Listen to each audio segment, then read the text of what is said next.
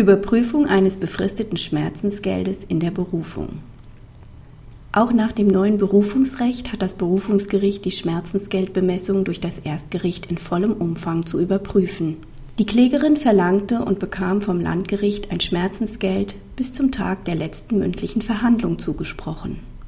Das Oberlandesgericht bestätigte die Höhe des Schmerzensgeldes, ließ allerdings die Befristung entfallen. Es stellt allerdings klar, dass auch nach der Reform des Rechtsmittelrechts das Berufungsgericht die erstinstanzliche Schmerzensgeldbemessung im vollen Umfang überprüfen muss. Es muss nach eigenem Ermessen über die Höhe entscheiden und darf es nicht dabei belassen, das Urteil auf Rechtsfehler zu überprüfen.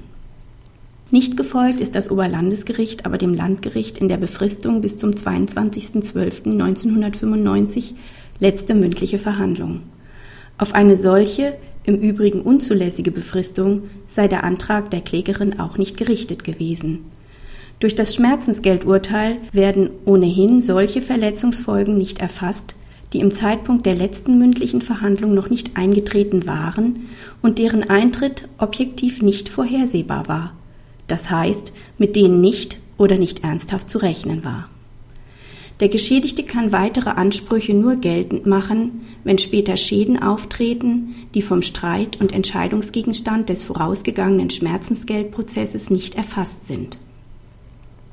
Praxishinweis. Das Urteil des Oberlandesgerichts enthält zwei sinnvolle Klarstellungen. Zum einen hat das Berufungsgericht eine eigenständige Prüfung der Angemessenheit des Schmerzensgeldes vorzunehmen Weiterhin ist ein zeitlich begrenztes Schmerzensgeld grundsätzlich unzulässig.